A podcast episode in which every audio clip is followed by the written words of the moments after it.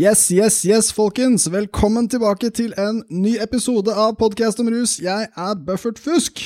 Jeg er Per Ståle Honning. Og i dag har jeg den oppskjørtede stemmen fordi vi skal snakke om Jeg skal roe meg ned. Eh, fordi vi skal snakke om en uh, gledens dag. du, ja, du tok på deg skjørt for anledningen, faktisk. Å ja da. Bare på spesielle anledninger. Det er altså uh, snakk i dag om et tema som har gledet uh, det kjempestore undergrunnsrusaktivistmiljøet i Norge, nemlig rapporten fra Rolleforståelsesutvalget skal vi snakke om i dag. Yes! Ja, og så får jo jeg bare beklage til eh, lytterne for at eh, det har vært litt lite deltakelse fra min side siste måned, ja, siste par månedene. Er på sin plass. Eh, Og det er jo fordi at jeg har vært på annet bjørnejakt i Kamtsjatka. Mm. Og um, før alle sånn dyrevernere og uh, folk som er glad i bamse, Mm. eh, bears, er det jo veldig populært i det homofile miljøet, blant annet. Ja, er, Eh, så må jeg bare si slapp av. Det er veldig, veldig dyrevennlig. Det, Mm. Vi jaktet regelrett på en fyr som heter Bjørn. ja. Vi tok fra han alle klærne, og så sendte vi han ut i skogen, og så, så prøvde vi å treffe han. For det, det, far, det farligste viltet er jo som kjent mennesket. Oh. Det er dypt, Mm. og det er uh, 2023, homovennlig, det er, det er oppe en gang. Ja, og så mannefiendtlig òg, Ja, ja. Hvite menn er jo det siste fri, fritt vilt i Ja. vårt samfunn. Det er det som skal jaktes i 2023. Vi sørget òg for at, eh, at Bjørn var fra eh, hvit middelklasse. Ja, ja, ikke sant? Det er viktig at han Mm. ikke er fra slummen. Altså. 45 pluss. Perfekt. Ja, men det er godt å ha deg tilbake Mm. fra, fra det stedet som er funnet på, men ja. Eh, da skal vi snakke om rapport, dere. Altså, med denne rapporten Aktuell rapport. Ja, den, det er det den skulle hett, Mm. egentlig. Eh, den her er i høyeste grad aktuell, og den er også a long time coming. Dette er uh, rusaktivistene i Norge sin eh, bibel, på et eller annet vis. Her har vi endelig et referanseverktøy. For altså, det er ikke sånn at rapporten blir publisert, og så blir alt bra. Mm. Og nå slutter lokalaviser å bruke kilder som idioter og sånn. Nei da. De kommer til å fortsette, men nå kan vi referere til det, i stedet for å bare være en gjeng med gærninger som sa 'vi har sagt det tusen ganger'. Her er det noen smartinger som sier det òg. Og så er det påpekt at rapporten er øh, sterk kritikk, men veldig høflig formulert, og det syns jeg understreker hvor godt akademisk arbeid det er, for da skal liksom psykologien holde selv utenfor.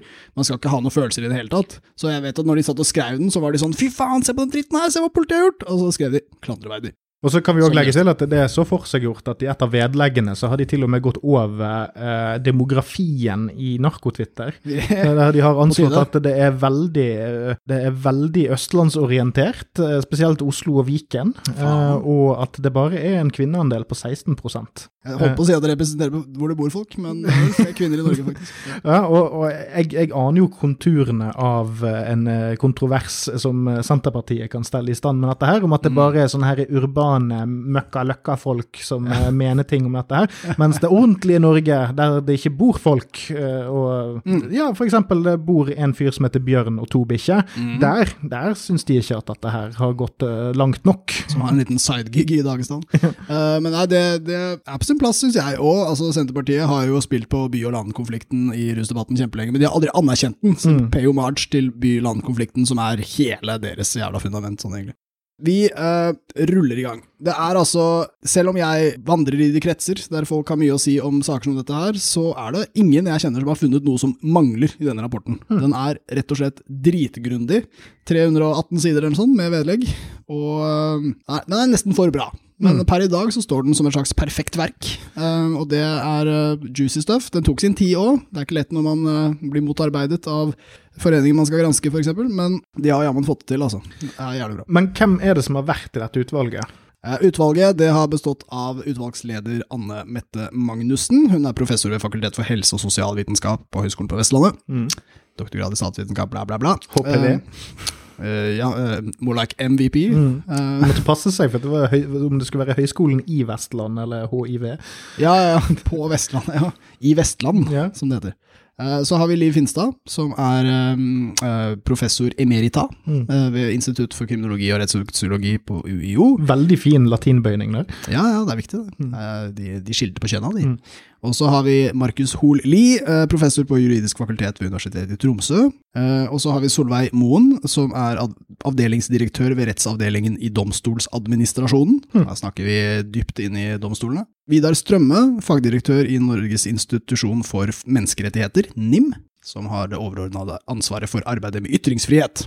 Så har vi Stine Bergersen, som trolig er den yngste deltakeren her, eh, på permisjon fra Institutt for fredsforskning, altså PRIO.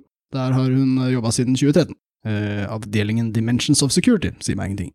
Så har vi utvalgssekretær Monica eh, Goksøyr, eh, som var på permisjon fra Statens sivilrettsforvaltning, og hennes eh, stedfortreder Anniken Margareta Gedde Kjellgren, som er nyutdannet kriminolog eh, som har fullført mastergrad ved eh, Institutt for kriminologi, som jeg tror er UiO.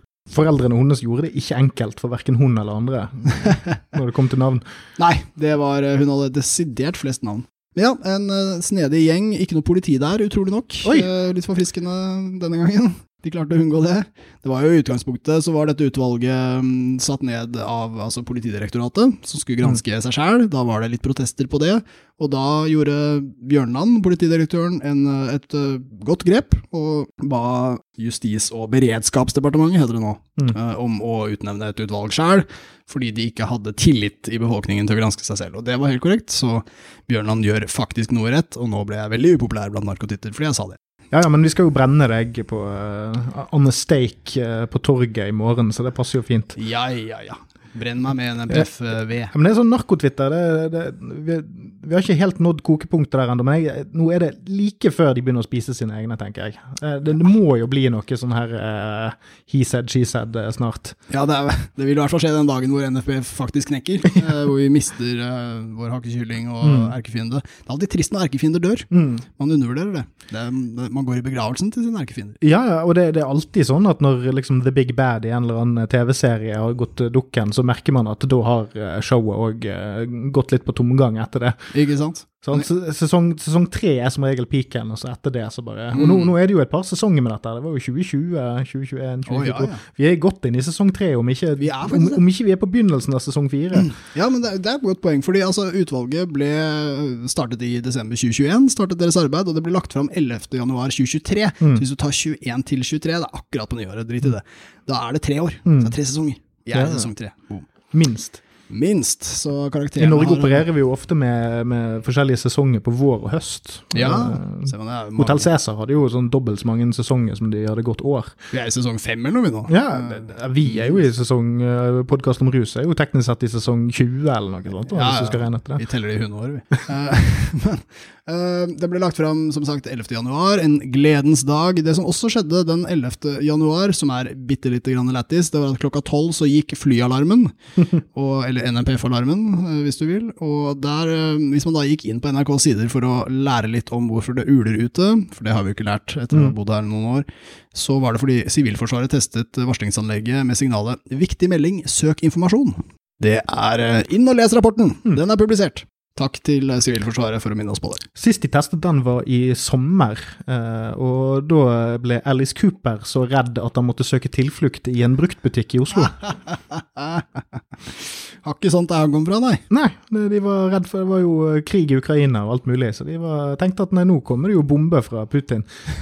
ja, ikke sant. Og så gjemte han seg i en bruktbutikk der hvor ingen drar. Ja, det var en søt sak i Avisa Oslo om en ung dame der, som tok imot et eldre ektepar fra USA.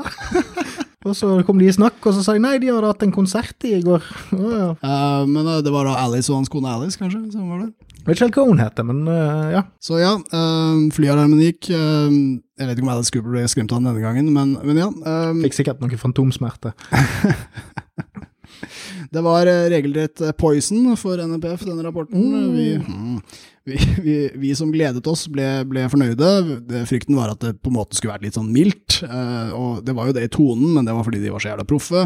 Så her er det regelrett refs. Denne rapporten går til og med hardt på en sak som eh, narkogjengen ikke har vært så gira på, nemlig dopingsaken. Mm. Og det, det er en litt sånn indrefilet. Det er for sånn NMPF-kondisører. Eh, hvis du liker eh, de virkelige fuckupsa deres, så er dopingsaken noe helt eget.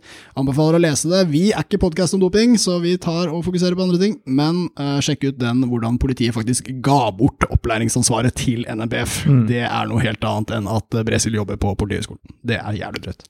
Så var det altså en pressekonferanse hvor denne ble lagt frem. Um, der måtte man ha pressepass for å komme inn. Ja, ja for det, hvis, du ikke har, hvis du ikke har på deg en sånn, sånn, uh, sånn beige eh, frakk ja. og en sånn Fedora med pressekortet oppi hattebremmen, Stemmer, så slipper du ikke inn. Notisblokk ja. uh, som du noterer veldig flittig på. Og blyant bak øret. Og så løper du til telefonkiosken etterpå. Ja. For å, Stopp pressen! Stopp pressen! Førstemann til telefonkiosken. Der er skupet. Du må være først. Ikke, det, ikke oppdater nettsidene! Ikke sant. Men det som er ironisk, er at uh, sånne flotte effekter det har jo ikke borgerjournalister, og det var jo egentlig de som har lekket alle sakene. Mm. Så ganske ironisk at akkurat denne pressekonferansen sto veldig hardt på det med pressepass. Og igjen, pressepass er en liksom corny ting i Norge. Uh, ja, det er faktisk en NPF-relevant historie. Uh, Natt og Dag var til stede da, uh, daværende justisminister Anundsen, også kjempenær NPF-venn, mm.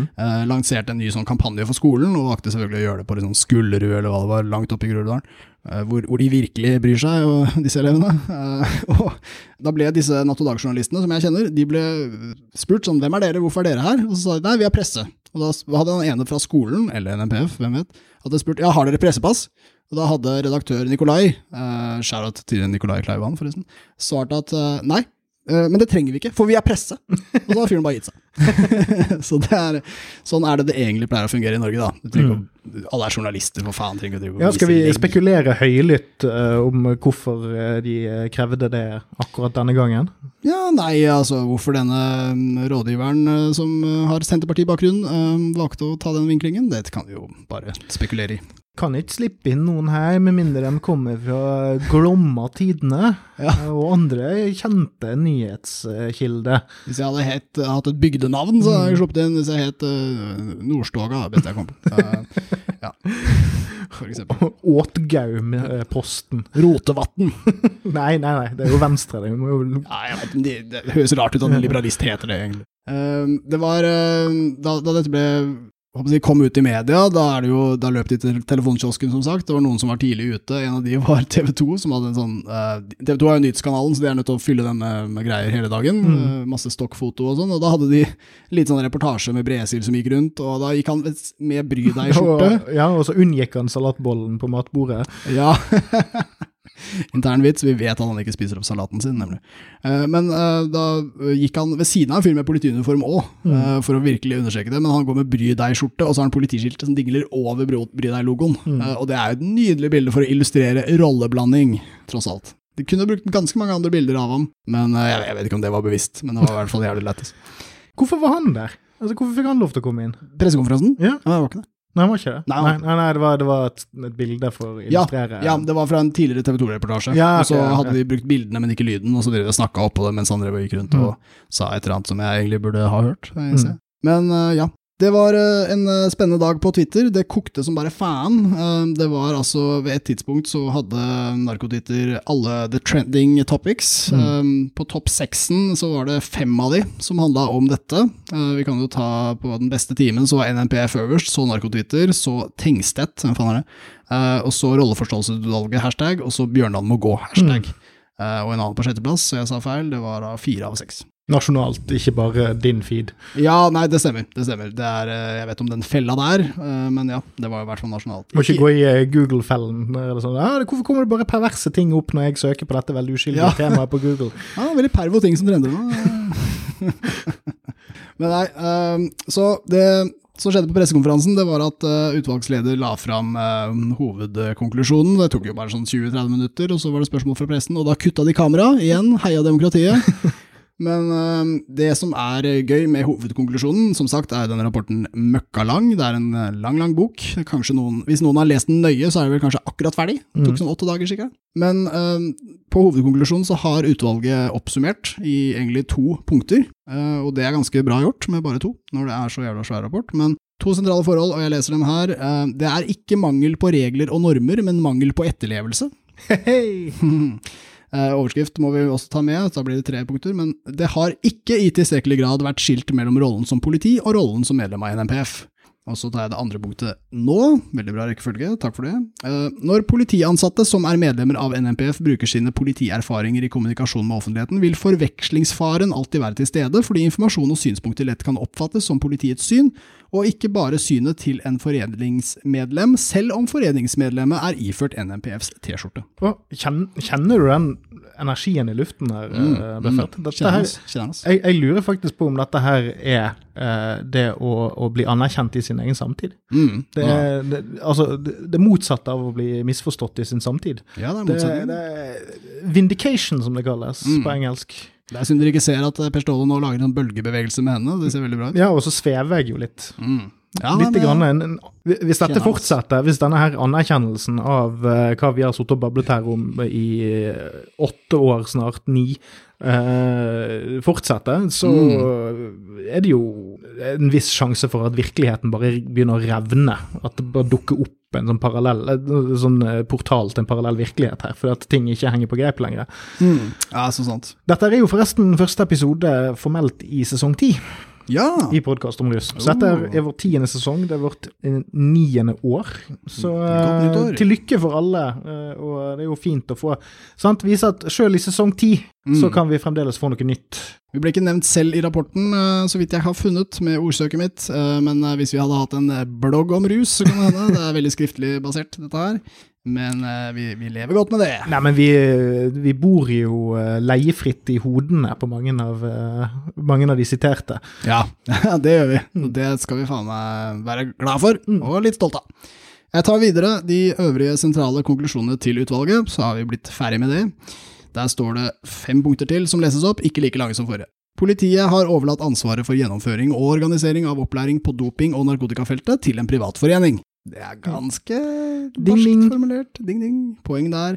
Neste punkt. Gjennom utdanningskonferansen har NMPF, NMPF tatt og blitt tildelt ansvar for en kompetanseutvikling av politiansatte som politiet burde gjort selv. Veldig bra. Dopingprosjektet beskrives som tjenesteutsetting av sentrær polisiær virksomhet. Oh, polisiær. Det er utrolig å lære nye ord uh, hver uke i dette showet her. Skal begynne, Polisiær. skal begynne å si det til folk som er litt sånn uh, dølle. Ik ikke gjør det, folk. Uh, da syns jeg du er litt polisiær. Det var det- Har du gått på POS, eller er det der du lærte å være så jævla polisiær? Det høres litt som PMS ut. POS er veldig nært.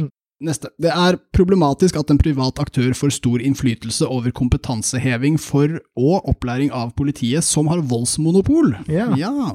Men nå, nå når du nevner det der, bare sånn for å ta eh, et sidespor, så er jo Mm. det ikke uvanlig at man driver og pulveriserer ansvaret i etater og offentlig drift av ting. Altså Hvis du ser på Bane Nor og altså bare jernbanereformen og alt mulig sånn drit, sant? så har jo det vært en sånn snikinnføring av privatisering. At du får inn private interesser Mm. ved at du, du deler opp uh, det, det offentlig eide og samfunnsansvar og sånt i mange forskjellige underselskaper, og så skal de begynne å konkurrere med hverandre, og så innfører du uh, privatkonkurranse etter hvert. Ja, ja. Det er jo sånn med, med privatiseringen av uh, Sørlandsbanen og bla, bla, bla. Mm. Men innenfor velferdsstaten og sånn, så, så har dette vært avgrenset kanskje til en Man har prøvd å få det litt inn på helse, men man har aldri Mm. hatt en offisiell linje på at det er noe man skal gjøre innenfor politi. Mhm. Sant? For at det vil vi ikke, selv de mest hardnakkede, uh, høyrevridde gærningene Mm. uh, har aldri fått seg til å si at vi burde privatisere politiet. Det blir litt Nei. vel Robocop, sant? Ja, stilig, men Så- bare vent. Ja, så, så det gjør jo denne biten her ekstra kompleks, fordi at dette er jo en interesseorganisasjon som egentlig ikke har noe økonomisk gevinst, sant? Mm. Så det er jo en bidragsyter til hvorfor det har fortsatt så uoppdaget og så upåaktet hele jævla tiden, fordi Ja. at det er de samme folkene på begge sidene av bordet Yes. ofte. Og, og den greien med at man på en måte har privatisert deler av kompetansen i politiet, men samtidig egentlig ikke gjort det. Det er en sånn her eh, Mm. juridisk eh, tvistpose Ja, visst er det det. som eh, det kan der- bli spennende å se noen takes på framover. Indeed, jeg har noe å nevne der som jeg ikke tror er med i rapporten, fordi det ikke er så relevant for det mandatet de hadde, som var å granske egentlig politiet mest, og deres rolle til foreningen. Mm. Men NMPF er dypt inne i vekterbransjen, og er det noe som er privat snut, så er det de. Yeah. Og det er ganske mye vektere, jeg var- på Arendalsuka i år, og veldig, veldig mange vektere som hadde bry deg på genseren. Mm. Eh, gjerne på sånn eh, skulderen, sånn at det synes over de barske, bulende vektermusklene. Uh, men uh, det, det, er ganske absurd. Altså, der har du på en måte en uh, politiforening som er, dypt inne i den private sikkerhetsbransjen. Mm. Det er et samarbeid de har, men igjen, dette er vekterbransjen som betaler penger til NMBF, og da begynner det allerede å se litt privatsnudd ut. Ass. Og der har du en sånn sekundær problemstilling som kanskje noen burde sett på, og det er jo mm. det at vekterbransjen er jo ikke akkurat viden kjent for å være mm. så veldig bevisst på hva de har lov til å gjøre, sånn med fysisk inngripen overfor uh, andre personer og den typen ting. Mm. Og da kunne det vært artig å sett på eh, hva slags inntrykk de har fått fra politiet mm. om maktbruk og sånn. Mm. Fordi man har jo lov til å bedrive sivile arrestasjoner og sånt under visse omstendigheter, sant? Ja. Eh, det, er, det, er, vel sånn at eh, Det er jo ikke podkast om just dette her sånn helt ennå. Eh, vi har fremdeles noen vekttall igjen. Mm. Eh, men Uh, hvis, jeg tror det er sånn at hvis du ser for eksempel, Hvis noen banker opp noen på offentlig sted, eller et eller annet sånt, så har privatpersoner lov til å holde ved Eller hvis det er grovt nok, så har mm. privatpersoner lov til å steppe inn og, og holde på den mistenkte til politiet kommer. sivilarrestasjon. ja. Og det har jo teknisk sett vektere òg lov til, og vektere er jo ofte tettere på kriminelle handlinger enn mm. de fleste av oss, så det er jo på en måte greit. Men når politiet sjøl har eh, misforstått maktmidlene de har lov til å bruke mot folk angående narkokriminalitet, så lurer jeg på hva de har lært vekterne til å gjøre. Mm. For eksempel hvis du finner en fyr som sniffer kokain på, mm. på dass et eller annet sted, eller mm. ja, altså sånn, den typen ting, da. Ja. Hva er det vekterne har lov til å gjøre, ja? Ja, ja. nå har det jo nylig vært nyhetssak, eller det var en gammel en, men den ble aktuell eh, fra Sørlandet. fordi Den ble aktuell fordi vi fant en gammel nyhetssak fra Federlandsvennen, og så er det samme avdekket nylig i Haugesund. og det, det, ble Forresten, fra Haugesund ble det omtalt som en del av at det går så jævlig bra med vekterbransjen i byen, og de utvider og ansetter. uh, men da, da, kommer det fram at på norske utesteder, så, og dette har skjedd i Haugesund og Kristiansand, det er et stykke imellom, så det er grunn til å tro at de har en viss eh, kommunikasjon om sånne tiltak som mulighet. Men det, det de, i Fjellandsvennen-saken kom det mest detaljert frem, og da var det at de hadde smurt inn dolokkene med formfett og GIF. uh, og da var målet til han som hadde gjort det, som var daglig leder, at de, de, hvis noen sniffa noe fra det, så ville de begynne å blø fra nesa. Og da kan vi identifisere dem og kaste dem ut. Uh, så da er det altså bevisst forgiftning uh, av, av, gjester på din, ditt establishment og sånn at du kan finne dem, og så være kjip med dem. Uh, og det er bare en rekord i et eller annet. Og ikke minst ekstremt dårlig gjort mot uh, folk med dofetisj. Ja. Altså folk som bare liker å gni seg litt inntil uh, ymse flate. Ja. Må være lov å gni ansiktet inntil uh, masse doting. Ja, det, altså, ikke, ikke kinkshame, baby. Men Det morsomste med den greia der er jo at den ligner på politi, Oslo-politiets Operasjon Hvit snø. Mm. Uh, hvor de åpenbart undervurderer rusbrukere, tror de er idioter. For sånn, de fjerna dosetene uh, på, på sånn absolutt alle gjester som i hvert fall har lyst til å sette seg ned, får en litt kjipere opplevelse. Og da var det sånn Sånn, nå blir det ikke noe mer sniffing. Uh, det er ingen som har uh, Nøkle. nøkler, uh, eller en smarttelefon, eller noe annet som har en glassflate på seg, eller klarer å bruke en jævla annen høyde, eller altså på noen måte får det i seg. Det må være dosete. Og det er jo, Problemløst. Det finnes jo ingen utesteder som f.eks. gjør det der, og så har de en sånn liten hylle mm. med flise i, i ståhøyde rett Nei, bak. Nei, det ser man jo aldri. Men det er, det er bra bilde på at liksom, hvis vi fjerner dosetene, så er alt løst. Fordi dopuer er kjempedumme folk som liker å legge seg på kne på dass, og, som om de skal spy, men de ser det lukter veldig nært på der alle har rumpene sine. Det er sånn de gjør det. Så hvis vi fjerner det, problem løst. Så hvis det var sånn dopuer er, så ville den kampanjen nytte av noe jævlig. Og den er solgt inn og vedtatt, så da har de alle tenkt at ja, det her kommer til å funke. Ja, og dette er jo, er jo en sånn oppfølger til sånn menneskefiendtlig arkitektur. Ja, ja, ja. At, at man driver og utformer det offentlige rom rom, sånn at det skal være ubehagelig for uteliggere å sove på setene i, i busskur. Du skal ramle av de hvis du sovner, sånne ting Så der. Og effekten er jo bare det at du gjør brukeropplevelsen eh, kjip for absolutt alle, ja. eh, for å plage én gruppe veldig. Ja, jeg fikk ikke med punkt fem. Eh, det er for så vidt det dølle stadiet, men vi må gjennom det. Utvalget punkt fem av uh, sentral konklusjon. Det blir et demokratisk problem og et rettssikkerhetsproblem når politipraksis og politipolitikk utvikles av ildsjeler i en privat forening, fremfor å forankres og styres av ansvarlig politiledelse sentralt og lokalt. Yes. Sitat slutt. For det blir jo langt enklere å holde disse folkene her i ørene dersom de til enhver tid er nødt til å forankre det de driver med i eh, for det første vedtatt politikk, men òg forskning, istedenfor at de gjør sånn som de har gjort fram til nå, at alt bare holdes i et sånn her mikrokosmos, der alle bare er enige om at sånn er det. Mm. For det har jo vært et problem med dette her at denne normbaserte eh, politidriften, Mm. altså at alle vet at dette her er sant, fordi det lærer vi av de folkene som lærer oss opp. Ja. Så nå må jo det være fakta. Så alle ganger man får uh, kritikk rettet mot seg, så kan du bare henvise til en sånn her generell uh, opplest og vedtatt sannhet som ingen egentlig har gått etter i sømmene. Eh, det er ingen som sitter og, og tenker hm, hvor har jeg det fra, egentlig? Hva var bakgrunnen for det der, egentlig? Mm. Uh, så det blir jo spennende å se hvordan det blir fremover, da. Ja, ja. Det er uh, veldig spennende å tenke på hva forandringen vil eventuelt bli. Uh, det er ikke sånn at eh, mange har lest denne kjempestore rapporten, og det er ikke sånn at pressen og andre som blir kritisert ganske kraftig, har vært så flinke til å gå i seg selv enda. Eh, det ble påpekt av forsker Birgitte Ellefsen fra Politihøgskolen, som skrev et veldig godt vedlegg, anbefales, eh, om medias rolle. Og der eh, påpeker også hun at eh, etter 2021 i hvert fall, så var det en god del medier som uh, tok til orde på lederplass for å få en granskning, men det var ingen av dem som så noe særlig på sin egen rolle. Det var ingen av de som på en måte gikk noe særlig hardt, hardt kritisk på, på eget ansvarsgrunnlag. Jeg siterer Ellefsen, pressen rettet imidlertid ikke søkelys med hvordan den selv hadde utøvd sin samfunnsrolle i forhold til NMP for politiet. Og det kunne de da virkelig ha gjort. Eh, Etterlysning til alle journalister der ute. Tenk litt over hvorfor det var akkurat rusdebatten som lot seg manipulere i over eh, rundt tre tiår. Hvorfor var det akkurat den som ikke vekket deres interesse nok til å gå mer i dybden? Og jeg vet, eh, bare for å påpeke det òg, kommentarjournalistikken har vært bedre. Du kan dele journalistikken i reportasjejournalistikk og kommentar. Kommentar er den minste delen, men der skal man snakke fritt og ytre meninger. Det skal man egentlig ikke gjøre i reportasjer. Men i reportasjer så skal det være balansert. Der skal det være alltid to kilder som snakker hver sin sak. Eh, og det har det jo da ikke vært. Sånn sett er jo det egentlig flauere. Men eh, norske kommentatorer også, jeg må bare si altså det er fra 2021 og utover at de har kommet litt grann på ballen, og hvor faen var de fra 91 og fram til det? Ja, og så er det dette med false equivalency. Sant? Dette med at setter du opp to kilder mot hverandre, Ja. så skaper du et falskt inntrykk av at det er en, en likevekt mellom perspektivene. Det har vi jo fremdeles et problem med i måten dette drøftes på. Eh, Du kan bare se en klassisk eh, Dagsnytt 18-diskusjon.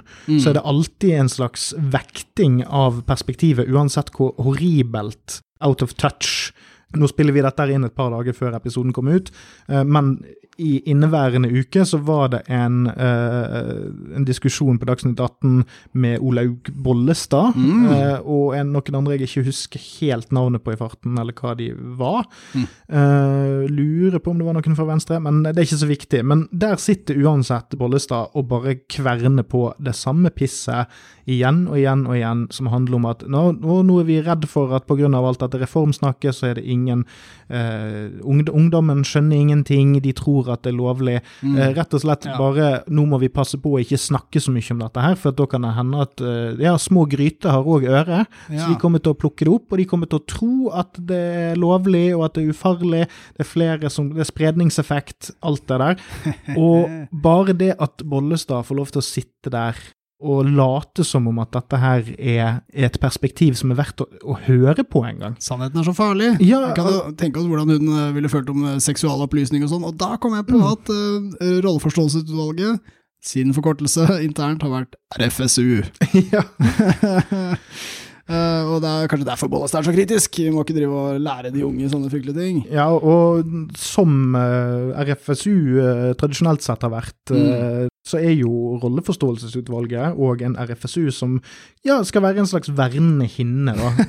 ja, altså det Jobben er liksom å beskytte samfunnet fra hva enn politipropaganda som sprutes ut Ja. mot, mot våre flate. Om, om samfunnets ansikt, for eksempel. Litt store loads på samfunnets ansikt. Men apropos Dagsnytt 18, uh, den saken ble jo også diskutert der. Det var en ganske fet sending som kan sjekkes ut. Som sagt så var dette den 11. januar. Der var det først uh, utvalgsleder som fikk ordet, altså Anne Mette Magnussen, mot, mot, eller for, Eh, politidirektør Benedicte Bjørnland, som eh, gjorde en god opptreden. Hun har eh, virkelig begynt jobben med å distansere seg og slukke branner med retorikken, fremfor å hevde at, kom, at kritikerne bruker anonyme e-poster og sånne ting, som var mer tonen før. Men det ble, fra, fra, det så gikk det over en jævlig morsom seanse hvor Per-Willy Amundsen, Norges riksklovn, stilte opp sammen med Andreas Skjalg Underland. Der, ja. En altfor ung fyr, 27 år, som gjør en veldig god jobb. Men um, det, det, som var gøy, var at når de slapp til politikerne, så ble utvalgsleder uh, Magnussen sittende. Men hun fikk da Det var en sånn split screen, så det var tre mm. ansikter samtidig som ble filma, og hun satt i midten. Og hun sa jo ingenting. Altså, når politikerne kom, så kom jo ikke hun til orde. Og Magnussen er en veldig proff akademiker, så hun uh, hadde ganske sånn deadpan ansikt. Viste mm. ikke så mye, hun lo ikke så mye selv om det var gøy, og selv om Per-Willy Amundsen snakket, så lo hun heller ikke. Uh, men man kunne se at det er humor. Når det kommer til akkurat humor, så lo hun litt mer av SVs uh, eh, Skjalg Undland. Uh, det, det, var der det var litt nikking og litt mm, ja, ja. Så, så, nå må jeg også si at uh, Amundsen, Per-Willy, han uh, er kjent for å si teite ting om rus. Han er leder av justiskomiteen, så han må jo på en eller annen måte få lov å snakke. Men han gjorde en særdeles dårlig opptreden, selv for seg selv å være. Og vi visste ikke at den lista kunne ligge så lavt, men der er han. Uh, og det var fucking hilarious. Altså, ja. Uh, verdt, å, verdt, å, se, bare for å se utvalgsleder sitte mellom disse to i en hard squeeze, og også se hvordan en 27 år gammel eh, SV-jurist kan burne og eie leder av justiskomiteen, noe så inn i helvete. Jeg har også lyst til å ta, siden Per-Willy er en, en, klassiker hos oss, en, en god erkefiende, på en måte Han ble spurt av NRK om dette er en skandale, og han mente utrolig nok nei. Men det han sier her altså Merk hvordan Jeg jeg bare kaster ut et ord først, og det er politisk spill. uh, kommentar fra Per-Willy, tidligere justisminister. Jeg river meg i et, I det lille du har av vekst der. Ja, det lengste håret jeg har på kroppen. Han sier altså etter at venstresiden tapte slaget om rusreformen, vendte sin forargelse mot NMPF som aktivt motarbeidet reformen. De brukte NMPFs politiske engasjement som argument for at rusreformen burde behandles på nytt. Kampanjen mot NMPF var i stor grad et resultat av dårlige tapere på venstresiden. Så her har du da to, tre setninger om en rapport som er viktig, og han sier venstresiden to ganger på tre setninger. Og så uh, utelukker han jo uh, interessante fakta, som om at som for eksempel, uh, det ble han vel tatt på i sendingen òg, mm. at Arbeiderpartiet og Senterpartiet var jo ikke en del av den fløyen. Nei. Eh, og i den grad det er venstresiden her, så er det jo ja. Hvis du, hvis du, regner med MDG, så er det MDG, SV og Rødt har vel vært eh, positive til dette her. Mm. Eh, men det er jo vel så mange eh, venstre- og høyrepartisaner involvert i dette her sirkuset her. Ja, det var jo Solberg-regjeringens rusreform. Ja. Jo, men òg på, på um, aktivistsiden, da, ja, ja, så er det, det, det, det, er en god, godt stappet klovnebil med variasjon, dette her, når det kommer til politiske standpunkter. Ja. Eh, det er jo veldig mange, eh, eller ikke veldig mange, men det er en god del perspektiv jeg ser rundt omkring på nettet som handler om at vi nesten burde privatisere hele, hele stat og kommune bare pga. hvor utrolig lite du kan stole på eh, offentlige etater, som dette skal være et eksempel på. Så det er sånn mm. Altså, Per-Willy Amundsen, han, har, han er jo en, et norskt eksempel på den, de der ticsene man får når man er sånn det man kaller dødelig online, og litt for gammel til å ha kildekritikk. Ja. Eh, fordi han, han, har lært seg av sine politiske forbilder, som sikkert er godt plantet i ymse deler av eh, kuppsiden i USA. Trump-landskapet. Ja. Eh, at uh, han har lært seg det at alt som han ikke liker, det er venstresiden. Mm. og hvis venstresiden ikke står for det, så kan han formulere mm. det på en måte som gjør at det blir en venstresideting. Men FRP, ja. FRP, hadde aldri klart å stemme ned rusreformen hvis ikke de klarte å alliere seg og bli butt buddies med Arbeiderpartiet og Senterpartiet. Nei. så. Nei, det var et fint lite tog de stilte opp der. Jeg må også si, altså På denne Dagsnytt 18-sendingen så var det også påfallende altså Det ene Nå har jeg basically ingenting å kritisere verken utvalgets rapport eller leder for, så da får jeg ta det lille smulene jeg har.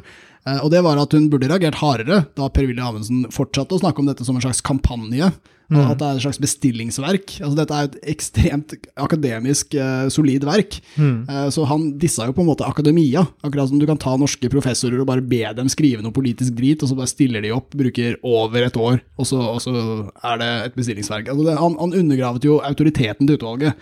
Det burde vært reagert hardere på, for det sånne antiakademisk, antivitenskapelig Trump-ass bullshit fra Frp, det burde faktisk arresteres. Ja, og dette minner meg òg om den tiden da Stephen Colbert var parodisk eh, høyrevridd eh, på komishowet sitt The Colbert Report, eller Report, som var, ja, som var en parodi på Fox News, basically. Ja. Der han bare var in character, eh, høyrevridd idiot for, Ja. For, ja, for å være artig. Og da eh, hadde han et veldig fint sitat en gang, som var det at eh, vi må ikke glemme det, at virkeligheten eh, har en liberal bias. Og det, Det det er det jeg ser. Det, og nå, la meg bli litt politisk. Eh, Mm. Det er det at vi har en tendens i Vesten nå, der vi begynner å få eh, alternative virkeligheter, Ja. der eh, folk driver og ikke definerer sannhet og fakta ut ifra objektive kriterier, men ut ifra hva som er den ideologiske basen Hver sin sannhet. ja, og dette merker man vesentlig mer på høyresiden enn på venstresiden. Oh, yes. det er en del useriøse aktører på høyresiden som heller vil si at min ytringsfrihet er det viktigste, så det at du kommer her og sier at jeg ikke kan si det der, for at det ikke er sant, det er et angrep på min ytringsfrihet. Ja. Eh, og det gjør indirekte det sånn at de som er litt mer uh, mot venstre, eller mot sentrum, du kan godt bare kalle det sånn liberalister eller hva enn, altså bare sosialdemokratiet eller det liberale demokratiet eller hva faen. Folk som faktisk prøver å forholde seg til hva kan vi faktisk si med, med visshet, hva er sant? Veldig sant. Veldig Det sant. blir en slagside i seg sjøl. Ja. At, at man ikke kan få, få lov til å si løgner uimotsagt. og det er noe som Per-Willy Det er et hjernevirus han har installert rett inn på harddisken sin. Og han, han har ikke tilgang på Norton antivirus eller noe annet lignende.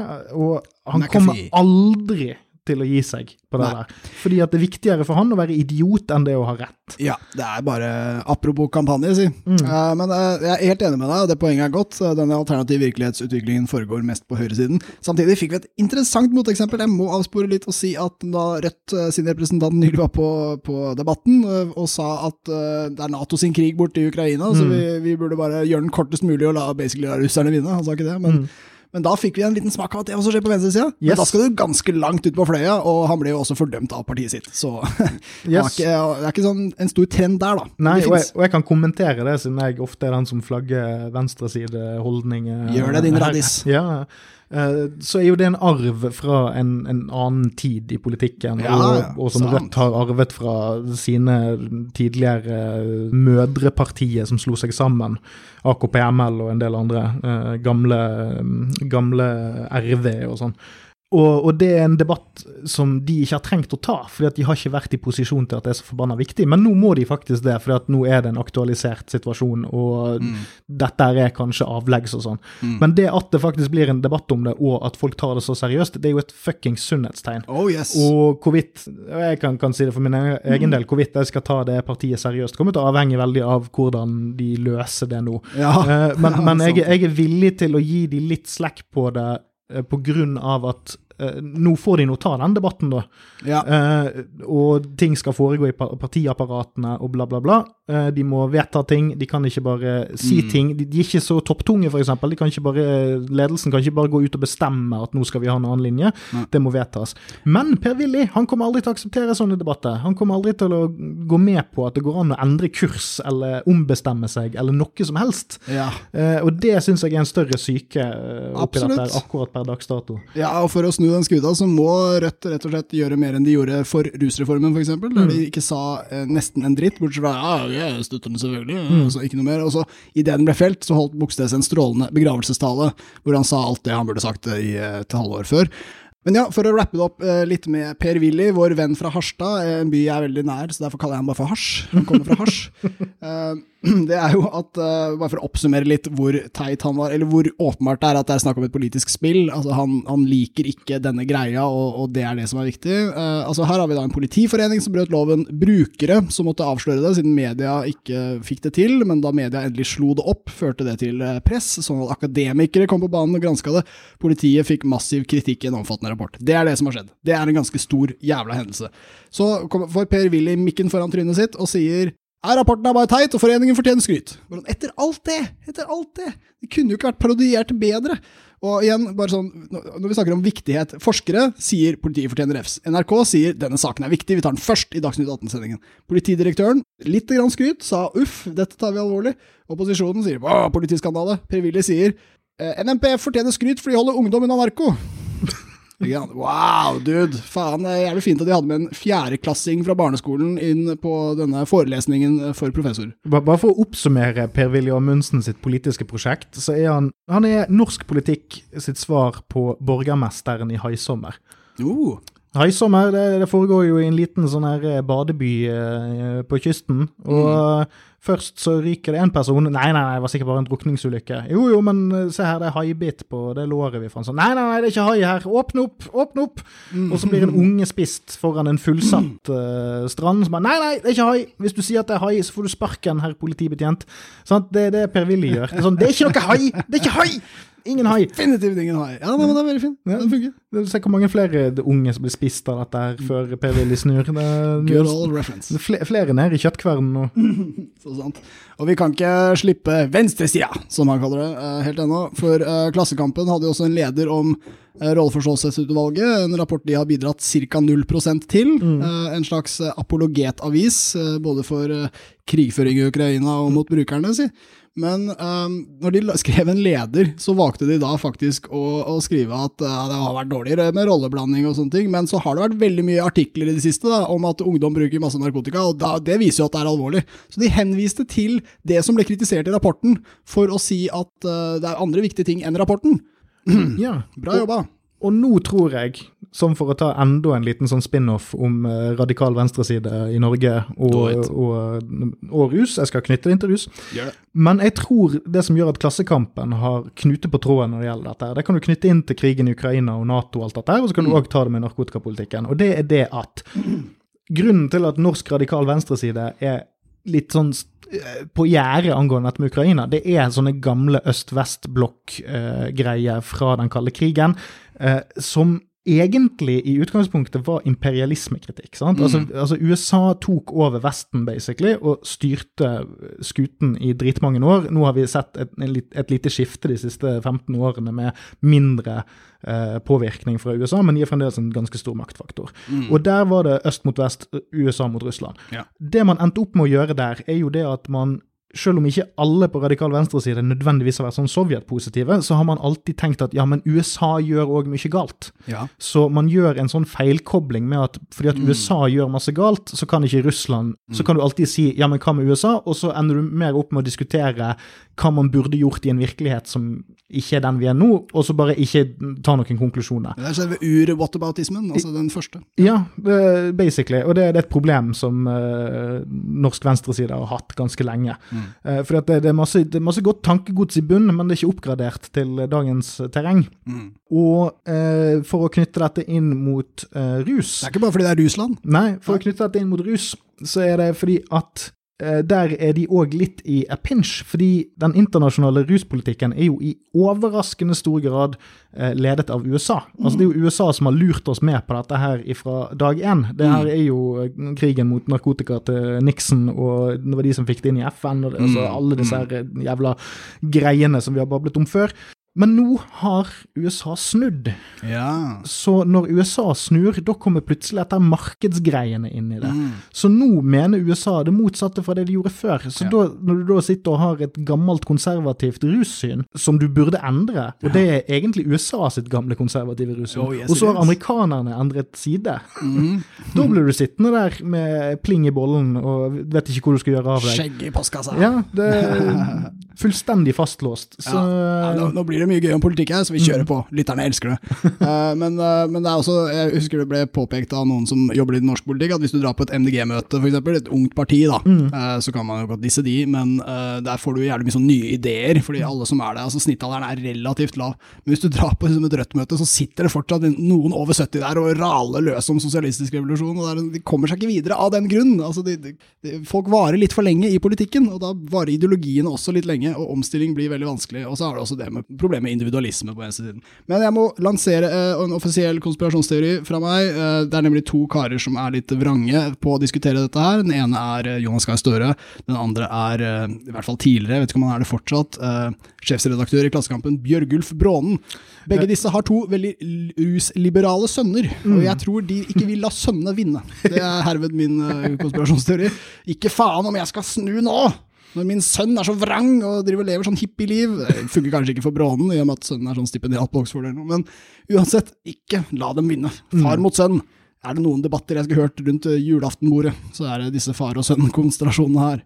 Eh, så det, der har vi det. Der er motivasjonen. Jeg har ikke funnet noe bedre.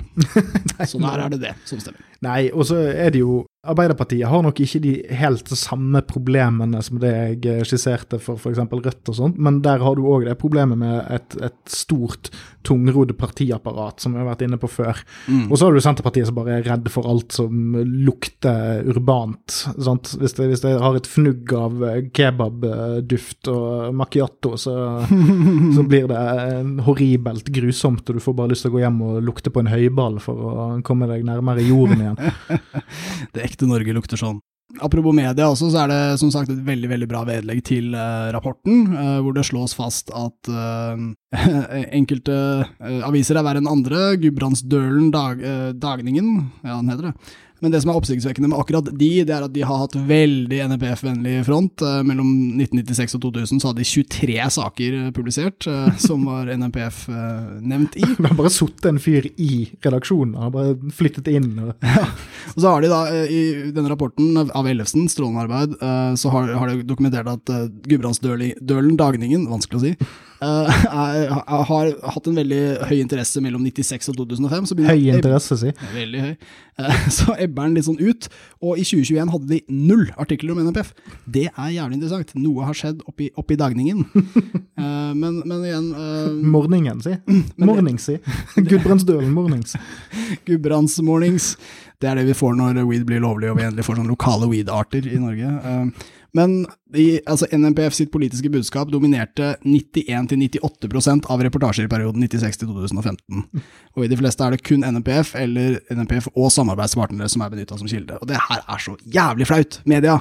Og jeg, jeg ser på dere Klassekampen, ikke dere at dere har vært ivrige eh, på å omtale det i det hele tatt, men eh, det kommer ikke så jævlig bra ut, de heller. Nei, det, dette med mediene det, det, har jeg lyst til å henge meg litt opp i. Eh, norske redaksjoner burde seriøst gå i seg sjæl. Jeg vet også, det har jeg skrevet en tweet om, men altså det er veldig mange av de graverne på narkotitter som igjen har slått journalistene på deres egen arena. Som har søkt masse jobber i norske redaksjoner og aldri kommet i nærheten av en ansettelse. Så hvis hmm. de virkelig mener at de skal gå i seg sjæl og ta selvkritikk, sånn som i hvert fall enkelte av dem har innrømt med veldig veldig lav mumlende stemme, så er det på tide å bare f.eks. gi en jævla 20 %-stilling til en narkotittergraver, eh, hvis du vil vise det til eh, leserne dine, da. Men så spørs det om dette temaet er attraktivt nok, og det var vel problemet i utgangspunktet. Ja, det, det er vel kanskje denne sammenblandingen av ja, altså sånn, hva er det som gir klikk, hva er det som eh, gir samfunnsengasjement? Og da er vi jo igjen tilbake igjen til hvilke grupper er det som er mest utsatt for denne problematikken, og mm. hvor interessant er den gruppens problemer eh, for resten av befolkningen, sånn som redaksjonene ser det. Mm. Eh, og så er det jo ikke til å stikke under en stol at uh, medievirkeligheten nå er vesentlig trangere enn den var bare for 10-15-20 år siden. Uh, jeg tror, altså mm. hva, hva de største, største for, altså avisforleggerne, det er Schibsted og sånn. Ja, og selv, de, selv, der har det jo vært jeg tror det er årlige nedskjæringer omtrent. Mm. Uh, du har et sånt, jeg husker en gang at det var en gjennomgang av hvordan Schibsted på en måte rett og slett melker profitt ut av kutt i organisasjon. Ja. Uh, at man har kjøpt opp x antall blader og, og aviser og, og, nettplattformer og sånn, mm. og så, uh, som er profitable, og så kjører man kutt på kutt på kutt på kutt, på kutt, og så til slutt så sitter du igjen med egentlig bare en sånn masseproduserende eh, haug eh, som gjengir hverandres artikler og sånt. Mm. Sånn at du, du har på en måte skapt masse content, men det er ikke så mye variasjon i innholdet. da. Det blir veldig mye innavl i de store aktørene. Og det, det der har jeg lagt merke til, eksempel. Det er, vel, det er vel sånn eh, Det er jo flere aviser nå som er under den der Schibsted-paraplyen, der du ser at de de linker til hverandres artikler og sånt, sånn at Ja. en artikkel i en avis egentlig òg er en artikkel i en annen, Ja. og sånne ting. Og det gjør medielandskapet mer homogent, Yes, eh, og det gjør òg at når du er annerledes, når du ikke er så konform Mm. Altså det, det som er de tradisjonelle medierollene, altså en, en kommentator som er litt eh, skarp i replikken, eller en eh, en gravejournalist som trenger litt tid på seg til å finne ut av shit, Mm. det har ikke de like mye plass til. Eh, Og det er det vel omtrent bare Filter som har tatt opp kampen på. Ja, uh, og så fikk de ikke pressestøtte.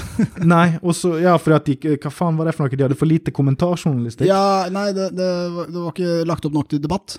Ah, ja. Eh, Det var Medietilsynet som tok avgjørelsen, og der jobber nå Pernille Huseby, som tidligere var uh, høyt oppe, i hvert fall i Aktis. Uh, og Det er ikke lett å peke på noen sammenheng, men det er samtidig veldig vanskelig å late som den ikke var der.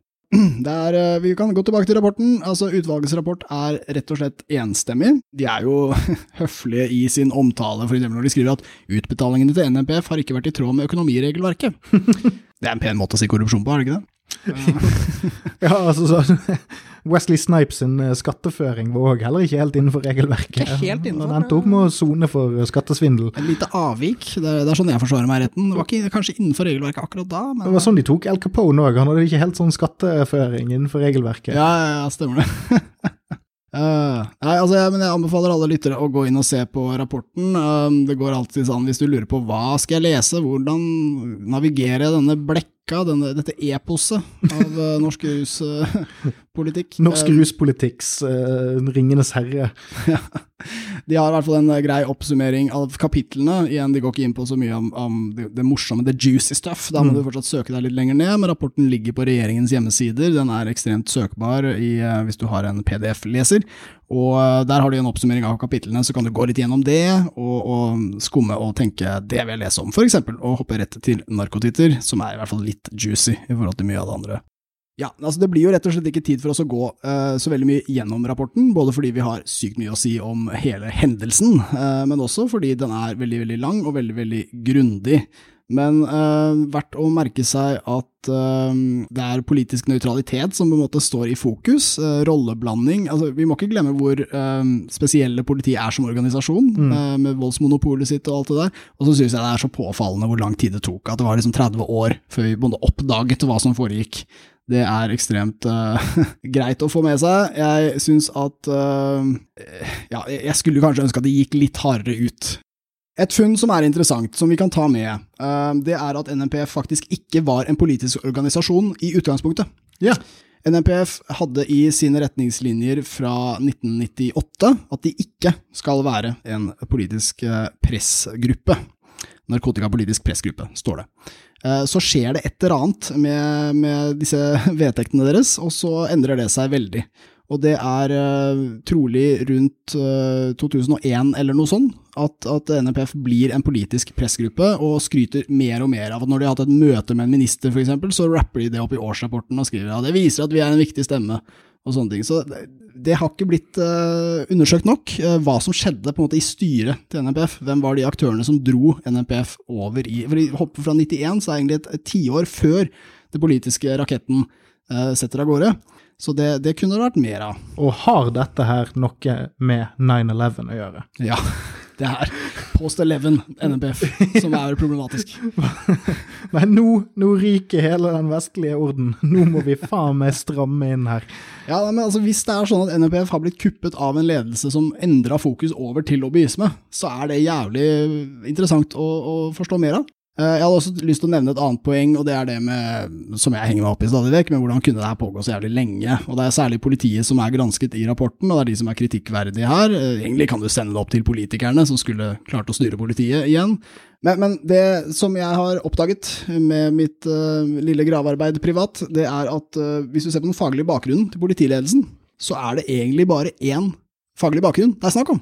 De har alle samme kompetanse. Og den er juridisk. Podkast om jus er tilbake. Men det er altså fint nok, det. Eh, De jobber tross alt med å forvalte loven, så det er relevant. Men hvis de hadde hatt litt variasjon i fagbakgrunn, f.eks. hvis de hadde noen filosofer, noen sosiologer, folk som ser litt på samfunns, samfunnets sunnhet, og ikke bare presedens og, og hvordan loven er nå, per i dag, så hadde de kanskje kunnet oppdaga det her litt før. Hvis jeg hadde Ja. hatt én jævla filosof på teamet, han hadde sikkert blitt skvisa ut uansett, men, men da det hadde i hvert fall visst om det. Da hadde jeg hatt én liten kranglefant som rakk opp hånda og sa ja, men er ikke det her egentlig litt sånn dumt for samfunnet at vi styrer media og sånne ting? Da hadde det kanskje ikke vart i 30 år. Nei, og så kan vi jo ta dette parallelt med dette varslerproblemet politiet har hatt. Det var jo denne Sjøvold-saken med den pistolen, for eksempel.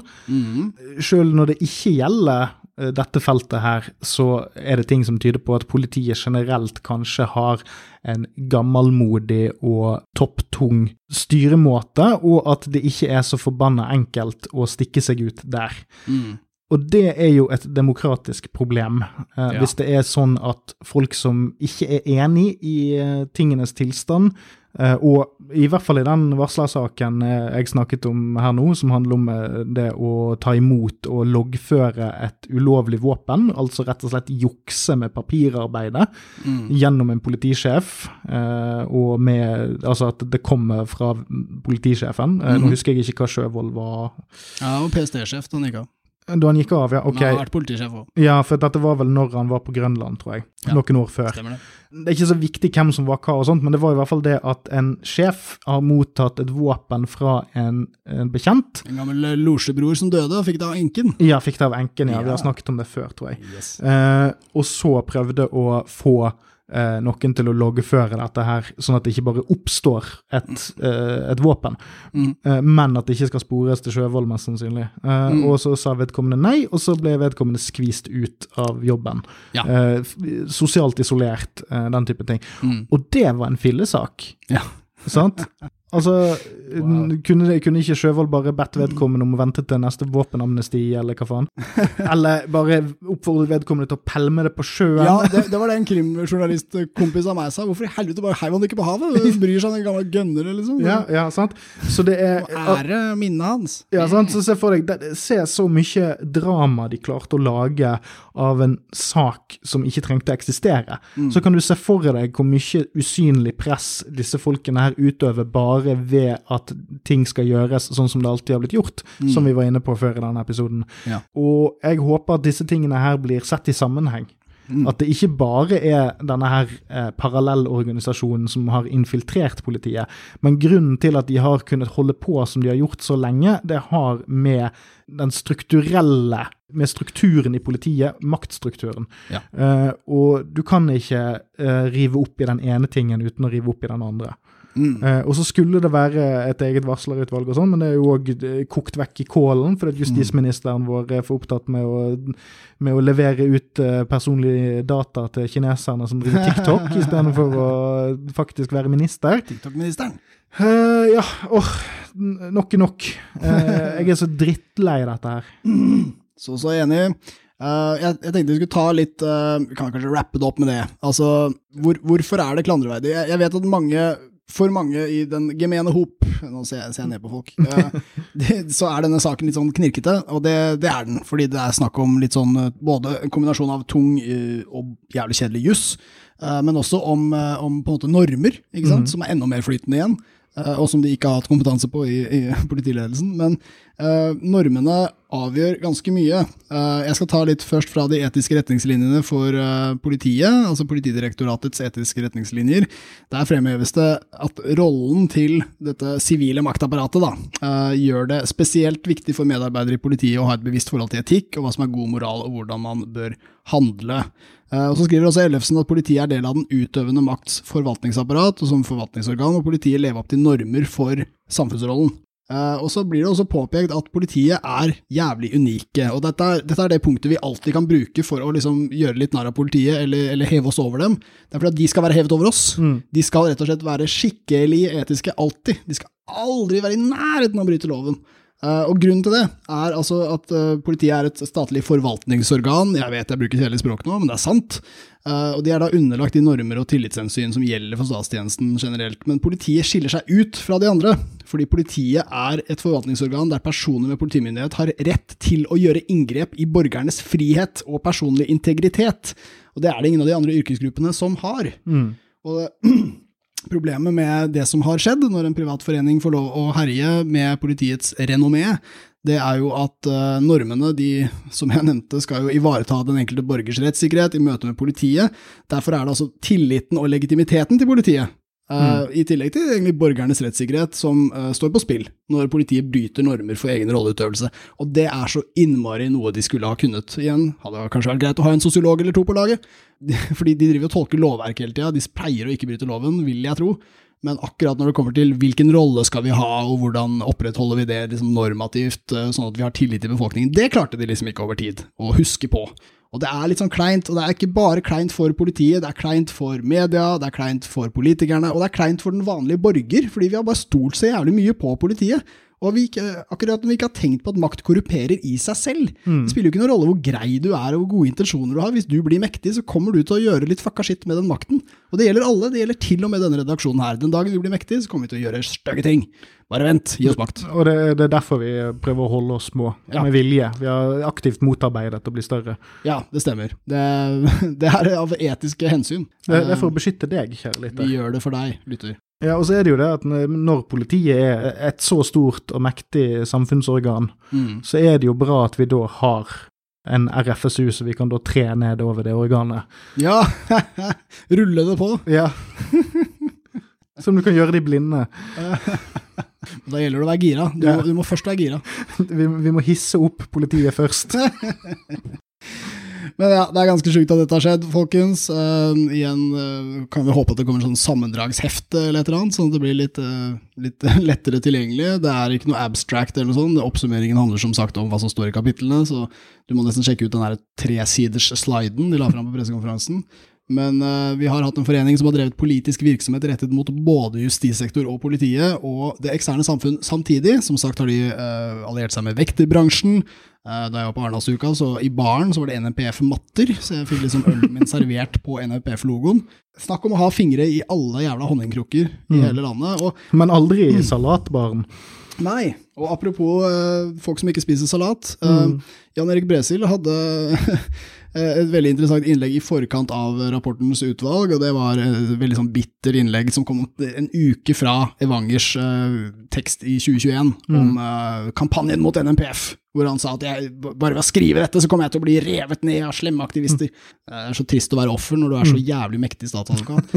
Eh, men, men uh, Jan Erik Bresil skrev noe lignende på et innlegg som ble sletta fra Facebooken hans, men som ble sitert i Akersposten, der han har en, uh, mange støttespillere. der han skriver. Ja, og Derfor er den i mediearkivet, så det er ganske lættis. Da kan du slette det på Facebook så mye du vil. Men der sto det altså um, ja, nå er det folk som bestrider at jeg jobber på Politihøgskolen. Det er fordi jeg er mot narkotika. Det er visst ikke lov å undervise der lenger. Du må være for narkotika hvis du skal undervise der. Thought this was America. Ja, og i uh, hans tilsvar til rapporten, det kan egentlig bli en slags oppsummering, siden det rapper opp veldig mye av NMPFs syn også, det er at han hadde forventet mer av et uh, offentlig utvalg, og at uh, rapporten, blant annet når det kommer til den delen som handler om han, at Politihøgskolen kan ha opplært politistudenter via NMPF til å faktisk bryte loven når det kommer til dette med forholdsmessighet eh, mm. i kontroll av brukere, så, så skrev Bresil at det er faktafeil. og så skrev han ikke hvilken faktafeil det er. Og jeg vil gjerne påpeke at det er veldig lett å legge fram faktafeil. Mm. Du skriver her er det setningen, det er feil fordi dette. Done! Så hvis du hevder at en jævlig grundig rapport av landets ledende akademikere har faktafeil i seg, så er det neste du skriver i neste setning, hvilke faktafeil du mener.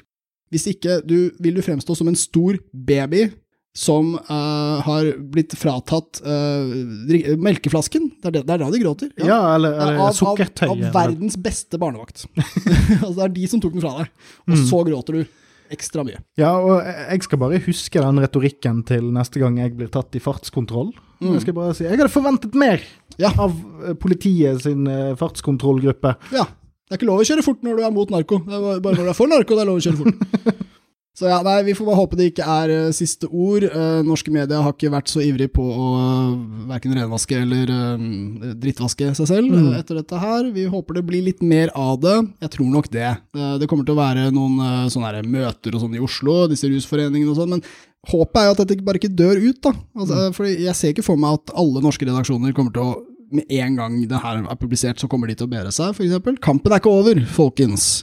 Men uh, la oss håpe at denne rapporten står som et uh, sentralt referansedokument for alle de påstandene som aktivistene sto alene med før. Kampen er ikke bare en bydel i Oslo, si. Det er ikke det, ass. Den lever i oss alle. Jepp, folkens. Det er bare å dra hjem og lese rapporter på 300 sider, eh, hjemmelekse, og så neste episode får dere en ny på sånn. Ja, så blir det hjemmeeksamen eh, i februar. Ja, og jeg innser det nå at de kunne godt skvisa sidetallet opp til 420. Eh, Slengte noen bilder etter et eller annet. Gjort det trikset man alle, vi alle gjorde på eh, videregående med å bare øke skriftstørrelsen til 14 eller 16. Ja. Dobbel linjeavstand. Vi gjør det veldig subtilt, men litt og litt større hele tiden. Gradvis. Og så Helvetica er òg litt større enn eh, Times, sant? så Dette har vi absolutt ikke drevet med, kjære K Kanskje putte inn sånn word art på toppen av hver side. NMPF i sånn her Word. Den teite. Tredimensjonal uh, grafikk fra 1995. Mm, ja. Nei, vet du hva, jeg ønsker meg flere sånne rapporter. jeg. Syns de godt kan granske litt mer. Nå var det jo litt pes å få denne rapporten på plass. Det krevde jo både mange år med graving og eh, press som gjorde at politiet ikke fikk lov å sjekke seg selv. Tenk hvor døll den rapporten hadde vært hvis de hadde sjekka seg selv. Ne- Neste granskningsutvalg kan jo ta en eh, kikk på eh, kostholdet i politiet. Hva med, hva med sånn uh, syn på innvandring og etnisitet og sånn? Ja. Uh, En liten, liten der. Kvitteringsordning. Uh, Ja. Blir Police annen, cams. blir en annen podkast som dekker den rapporten, men vi vil gjerne se den like Kommer nok til å stå noe brus rus der òg. Podkast om rasisme. Podkast om rasisme. Eh, ja, Nei, men skal vi rappe det opp, eller? Ja. Gå hjem og les, folkens. Nyt uh, dette sykt tørre verket som er høflig skrevet med beinhard kritikk. Uh, og husk å fortsette å kritisere NMPF. Det er alltids noe som er glemt her. Det er alltids noe som kan påpekes som lættis, og derfor så blir det mer av dette i vår podkast. Yes, god natt. God natt.